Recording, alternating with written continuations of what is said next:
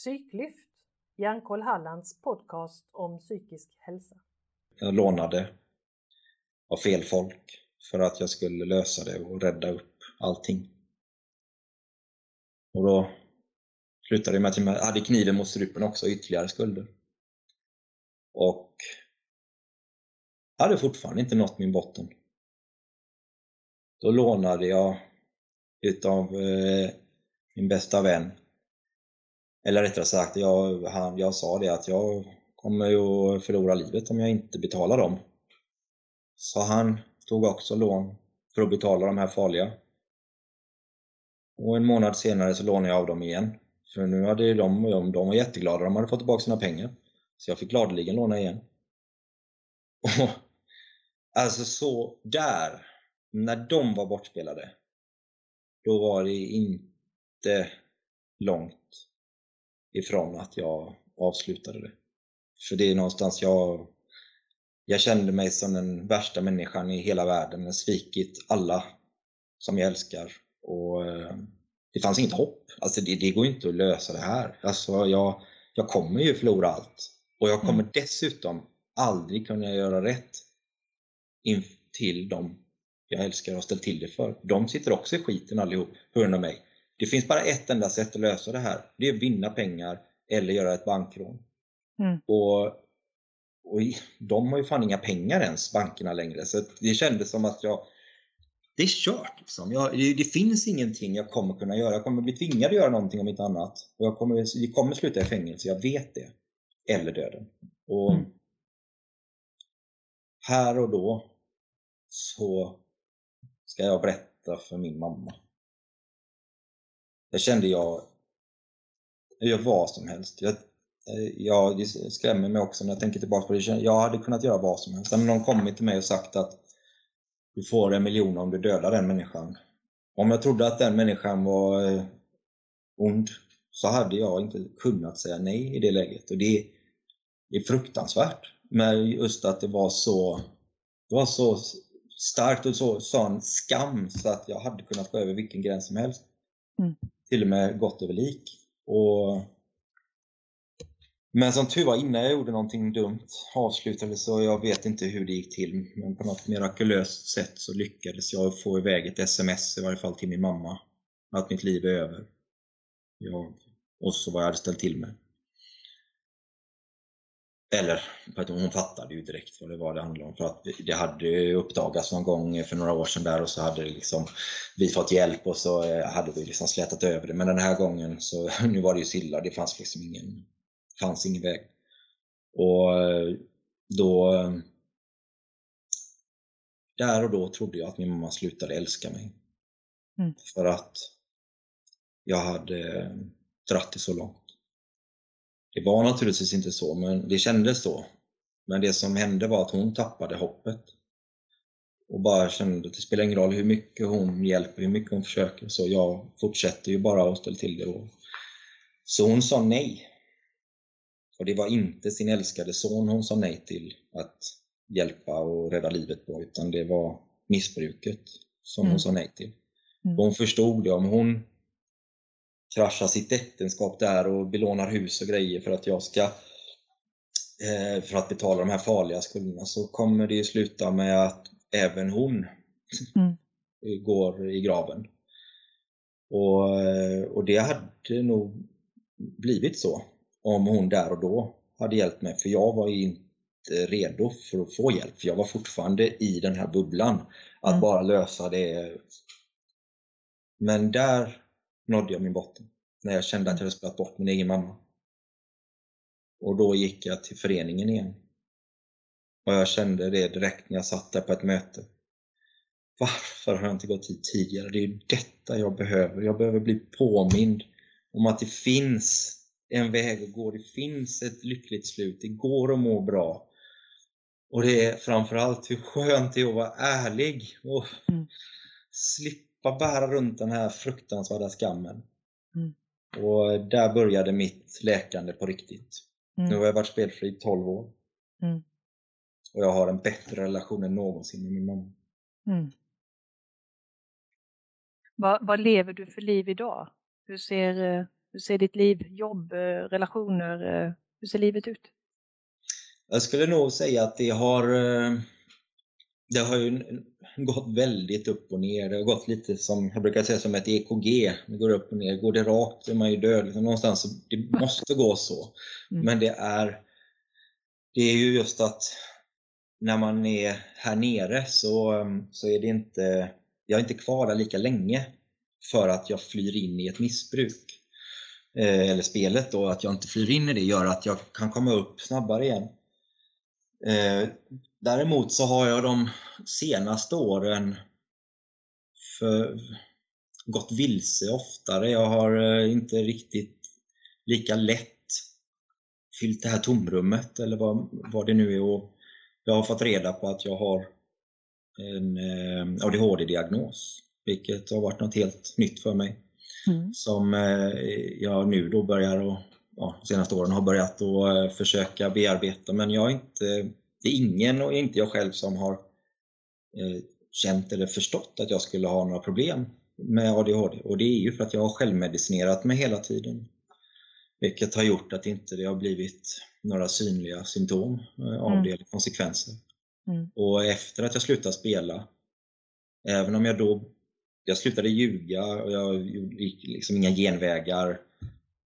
Det jag gjorde däremot det var att jag jag började festa väldigt mycket. Och, och, och så, så, att jag fick någon sorts självmedicinering i det också, även om det inte övergick till något missbruk. Så, så var det det som blev min självmedicinering. Och, och sen eh, när jag eh, fick familj nu, jag har familj, bonusbarn, så när, när det kom in då så blev ju, och jag slutade med alla dumheter där eh, när vi flyttade ihop, så så gjorde ju det att den förändringen, att jag slutade med då det, min lilla snuttefilt eller vad man ska kalla det, att få, få den här lilla självmedicineringen som räckte för att mitt liv skulle fungera och samtidigt då att jag hade väldigt tydliga rutiner. När det ändras då med familj och så blev eh, eh min arbetssituation då på föreningen som jag jobbade på då som rådgivare, det blev annorlunda och det kom pandemin och allting ändrades. Och där och då blev mina svårigheter väldigt mycket tydligare i ADHD mm. för att jag inte hade det här mm. normala längre. Mm. mm. Mm. Och det, det är ju en helt ny värld för mig nu där jag behöver börja och landa och bygga upp och göra skyddsnät på olika sätt. Så att, mm. och då vet jag ju att jag vet ju att jag kan må bra. Jag vet att det finns stöd och hjälp och så. Framförallt så vet jag hur otroligt viktigt det är att prata om de här känslorna, om det som tankarna som kommer upp och hur mycket det är värt. Och jag går en ADHD-kurs nu via psykiatrin där och det är fantastiskt att vi, vi är några eldsjälar eller några eh, eh, klienter, om man ska kalla det där, som går tillsammans och det är, ju, det är helt underbart just för mm. att man delar erfarenheter. Mm. Jag, är, jag är lite, alltså jag, jag, eh, man behöver ju inte vara eh, hjärnforskare för att se att spel omsätter otroliga mängder pengar. Det finns i reklamen överallt. Eh, det är svårt att värja sig oavsett vilken typ av liv man lever eller vilken historia man har. Mm. Hur förhåller du dig till, till detta idag? Finns det någonting du skulle önska var annorlunda än hur det ser ut? Ja, jag vet i början så, så var det ju var det jobbigt eh, med Eh, reklam eller eh, när man såg oddsen eller om när jag var ute på krogen och det var Black Jack-bord och sånt där. Så då, då var det, det blev en saknad som påmindes och det är som att säga att, åh, att inte jag får göra det eller åh, där hade jag ju vunnit om jag hade satt den pengen eller sådär. Och så att det, det var, det var liksom, ja, det, det var olustigt men eftersom jag hade så mycket verktyg och jag, skyddsnätet och murarna var ju jättestarka eh, eftersom jag gick på föreningen och, och, var engagerad och sånt och pratade om detta. Och plus att speldjävulen kunde inte få mig att tro att ja, men det var väl inte så farligt när jag regelbundet berättade om att jag trodde min mamma slutade älska mig. Liksom. Då, det, det finns, har jag sagt det så, eh, så spelar inte jag på en månad. För att, eh, och så säger jag det tillräckligt regelbundet pratar om detta så, så kommer inte jag gå över den tröskeln. Mm. Eh, men då när jag sen då, när man har fått lite distans till det, så, så är det inte jobbigt längre. Det blir inte det där suget när jag ser reklam utan det blir mer avsky av att de får lov att mm. hålla på så med tanke på att det är ett av de starkaste missbruken som finns i världen plus då att det leder till det är det beroendet som leder till flest självmord tror jag. Eh, det ligger i alla fall på andra plats där mm. Eh, utav missbruk eh, då i förhållande till hur många det är som, som har problem då så är det mm. självmordsfrekvensen är jättehög. Mm. Och det, det är ju anledningen till det, för oavsett vilket missbruk man är så är det ju ett helvete. Men det är just att det är ett dolt missbruk vilket gör att det oftast hinner bli så mycket större konsekvenser innan det uppdagas och mm. att det är så många andra runt omkring dig som blir inblandade. Så skammen hinner växa sig eh, oftast väldigt mycket starkare än i andra missbruk mm. då, vilket mm. gör att du eh, eh, lättare får känslan att alla får det bättre utan dig mm. och, och, och då tar livet av dig. Mm. Men när jag har ju drivit den här frågan väldigt mycket då när jag jobbade på föreningen och, och vi var ju ute i olika på konferenser och sammanhang och även i, i tv-reportage och sånt så har ju vi försöker ju slåss mot de här, den här miljardindustrin. Liksom, att det är, det är fruktansvärt att man ska få lov att tjäna pengar på folks olycka när man vet att det är det det går till. En sak är mm. att alla har ett eget ansvar. Det är ju inte deras fel eh, att jag spelar bort mina pengar enbart. Jag menar, det, det, de möjliggör ju det. Men att mm. när de, om du fortsätter att häller i sprit i någon på krogen som är däng, dryng, eh, vad heter, dyngrak. Mm. Det är olagligt naturligtvis och du mm. riskerar ju till och med att eh, bli vållande till annans död ifall du skulle fortsätta. Men och i det här fallet så vet ju vi hur mycket de alla spelbolagen vet om vilka som är spelberoende och inte nog med att de fortsätter låta dem spela, de till och med matar dem med bonus och allting för att de ska stanna kvar. Mm. Och, och det, det för mig borde Ja, nu har de ju skärpt lagarna så det, är ju, mm. det är positivt men det är fortfarande alldeles för klent och det är det är som sagt att du får att du, de snackar om vad du ska få göra reklam för och så är det, men någonstans så är det ju att överhuvudtaget ska få göra reklam och de har tagit bort någon bonus eller sånt som man inte får göra reklam för. Men att får göra reklam för någonting som är så svårt att hantera, det är som heroin. Liksom det, mm. Jag har ju mött personer som har, som har haft blandmissbruk då, eller varit eh, heroinmissbrukare tidigare och sen har de ju sett spelet då som har verkat oskyldigt och så har det fyllt ett tomrum och sen så sitter de fast i det och de säger att det var lätt att sluta med drogerna jämfört med spelet för att det är den här faktorn av att allt kan bli bra. Du bara mm. gör lite till. Alltså, tänk om det var så. Om du bara gick ut och söp stenhårt en natt till så skulle allt bli bra. Du skulle, dina, din relation och allting, du skulle rädda jobbet, du skulle få en lägenhet mm. om du bara gick ut och söp allt vad du hade nu. Då hade man ju gått ut och supit om du var hundrade mm. gång fick någonting fantastiskt. Och det är ju det, är det som någonstans gör det så svårt att hålla sig ifrån det långsiktigt. Det räcker ju att någonting ställer till sig. Mm. Så det är ju, oavsett missbruk så är det väldigt lätt att då flyr man. Ja. Men just när det gäller spelet så du flyr lika mycket där för det är så skönt för att du kommer in i en bubbla, du slipper känna eller du får må så bra som, som jag mådde där när, när det var men det är ju så kortvarigt. Det kommer ju aldrig att hålla i längden.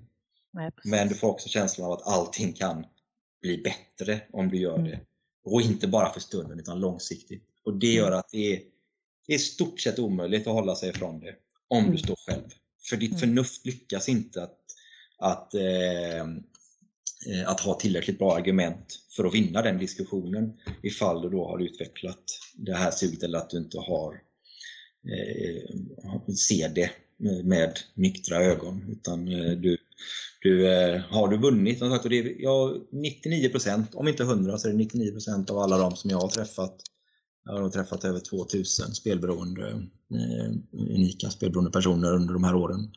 Och eh, ingen som jag minns utav dem har berättat att de inte har haft en vinst i början. Mm. Utan det är där som det slår slint i hjärnans belöningssystem. Precis. Och, eh, så 99% av dem i alla fall har, har haft, är det där som det startar. Mm. Och det är ju det som gör också att spelen utvecklas så att du ska fastna på det viset. Du ska vara nära vinst. Du ska åh, vara nära. Bara ett nummer ifrån. Ja, jo, mm. man är fortfarande mm. lika eh, långt liksom, ut, utstuderat för att du inte ska vinna i längden. Mm. Så att du kommer inte att bli en vinnare. Poker, absolut. Där kan du bli en vinnare i längden. Men då är det som ett vanligt arbete. Det är skittråkigt om du ska mm. vara skicklig på det och inte få de här kickarna. För då måste du ha tålamod och du måste mm. långsiktigt kunna eh, kämpa med det. Och så, och då kan du absolut, men det är fortfarande inget, det är inte, det är inte roligt att vara, vara bra på poker. Liksom, alltså, det, det, är ju inte, det är inte, det, det är ju som att möjligt ha hittat ett jobb du trivs med. För det är inte mm. det det handlar om, om du vill få kickarna. Mm. Ja, är du spelberoende så kommer du fortfarande bli en förlorare på poker även om du är bra. För att mm. enda sättet för dig att få den här kicken som du egentligen söker det är ju att göra det här vårdslösa, göra det som, som skapar spänningen. Och det är att chansa, det är att eh, hela tiden utmana det här. Och tyvärr då så är det ju hälften åtminstone av alla de som fastnar i, i eh, spelmissbruk i varje fall är, har ju en diagnos. Och mm. som jag har märkt så är det ju först efter att jag själv blev diagnostiserad nu när jag var 37 liksom, eller 36 så, ehm, så har jag ju märkt att oj, vad vanligt det är. Ja, då ser ju jag beteendet mm. hos andra, jag känner igen mig, jag förstår att det där är ju för att försöka fylla det där tomrummet eller den här spänningen som jag har sökt hela mitt liv. Jag har ju alltid som jag har klättrat i master, jag har hoppat fallskärm. Och jag har inte förstått att det var... Jag har bara trott att jag var kicksökande men inte att det faktiskt har med någonting som jag inte kan, eh, eh, eller som jag inte visste om eller som jag försöker mm. att fylla.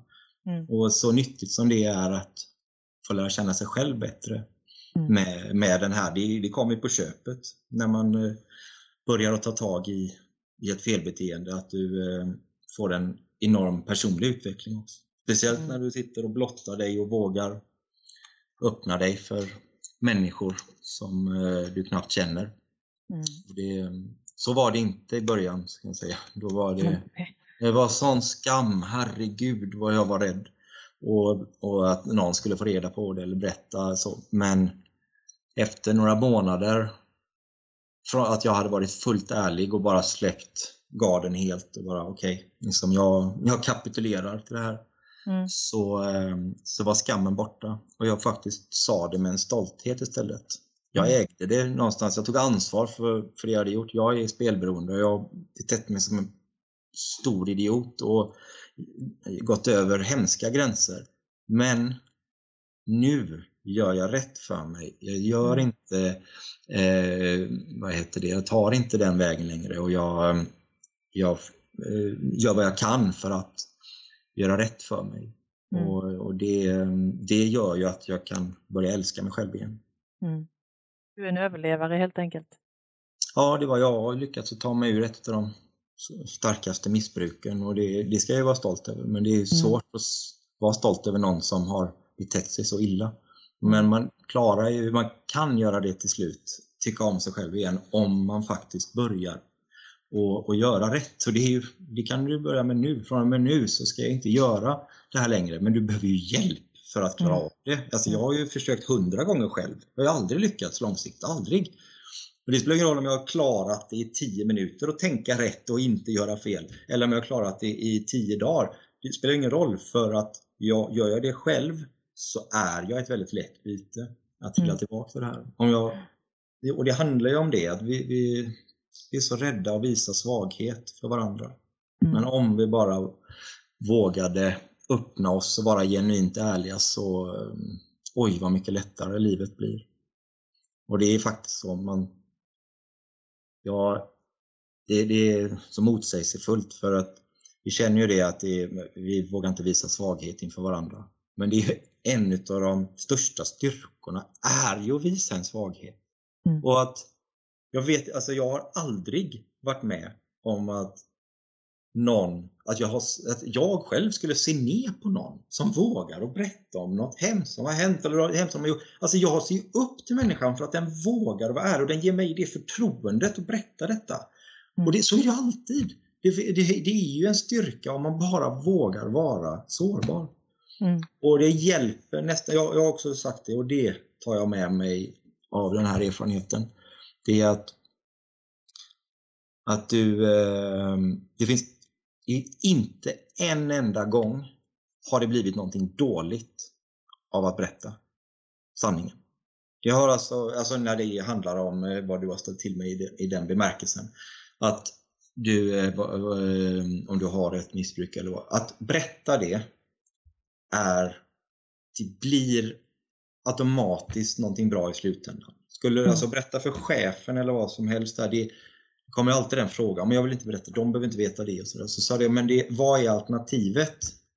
Alternativet är sämre. Mm. Alltid.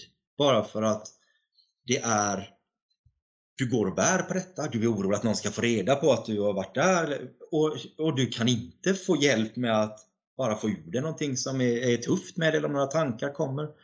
Och, och samtidigt varje gång någon väl berättar, inklusive mig själv i olika sammanhang eller då jag eh, lyckas få någon att våga ta det steget. Varje gång så visar det sig att oh, det var så skönt och vet du vad? han hade en, eh, en eh, vad heter det, släkt, eh, släkting som var där, eller han själv hade haft det här. Vi har jättebra relation nu. Mm. Alltså, om, jag vågar inte berätta för chefen för de kommer inte ha förtroende för mig mer. De kommer ha mer förtroende för dig om du kommer och säger någonting du inte behöver och du blottar dig. Det är ju för 17 tvärtom om det skulle uppdagas att det försvinner pengar säger vi. Så, och du inte har berättat någonting, men de kollar upp alla för då är ju du den som kommer vara misstänkt. Men om du har kommit och sagt det i förtroende för att du vill berätta. För om jag har varit konstig senast så beror det på att jag har suttit fast i ett, missbruk.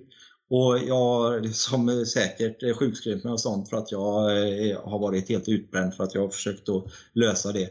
Det är så skönt nu när jag äntligen eh, eh, har fått eh, tagit bort det och, och, kunna, och jag går på möten och får hjälp.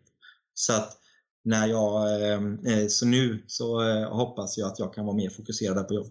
Alltså det är inte så att den, alltså, efter man har sagt det till chefen och att man det första man gör går och skäl pengar efter det. Det är liksom, man har ju satt eh, tröskeln och skyddsmurarna ännu högre. Mm. Och det blir så. För det blir, mm. alltså att berätta för någon, då blir ju det blir mycket svårare för mig att direkt efteråt gå och spela för att jag har fått ett förtroende. Jag, jag har någonstans berättat att jag ska inte spela mer nu. Om inte någon vet om det, då är det ju jättelätt att spela. Eller om jag har pengar som ingen vet om, det är ju jättelätt. Men vet jag att det här uppdagas, vet jag att jag kommer att få känna, till 100% kommer jag få känna ett helvete om jag trycker på den här knappen. Eller att mitt finger huggs av. Inte fan hade jag tryckt på knappen då. Men spelledaren får det ju och ja, men det är ingen fara. Det är ingen som märker det. Du kommer ju lösa detta. Det är lugnt. Och så fort du vaggas in i den falska tryggheten så är det ett lätt byte. Men om du då har byggt upp skyddsmurarna genom att du har berättat för de närmsta runt omkring och, eh, och du då och då pratar om detta så, eh, så har du ett enormt skyddsnät. Så mm. våga prata och våga ställa frågan om du är anhörig eller runt omkring och så. Det är, det är tystnaden i missbrukets bästa vän. Mm. Och det är också tystnaden som ökar den psykiska ohälsan. Det, du, du lägger ju liksom slutorden här som man kunde inte önska det bättre om man så hade regisserat det här samtalet. Men det var helt orepat. Jag tycker det var ett väldigt bra avslut och sammanfattning på ja, vad man ska ta till sig som ett gott råd från en som har lärt sig den hårda vägen kan man väl säga. Mm. Mm.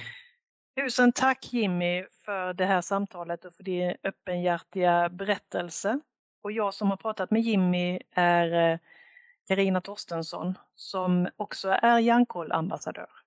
Och om ni vill höra mer av Jimmy eller mig eller någon av våra härliga kollegor som har olika erfarenheter av psykisk ohälsa så kan man boka det på hjärnkoll.se. Tack ska du ha Jimmy! Stort tack! Tack, hej! Hej! Fortsättning följer. Missa inte nästa avsnitt.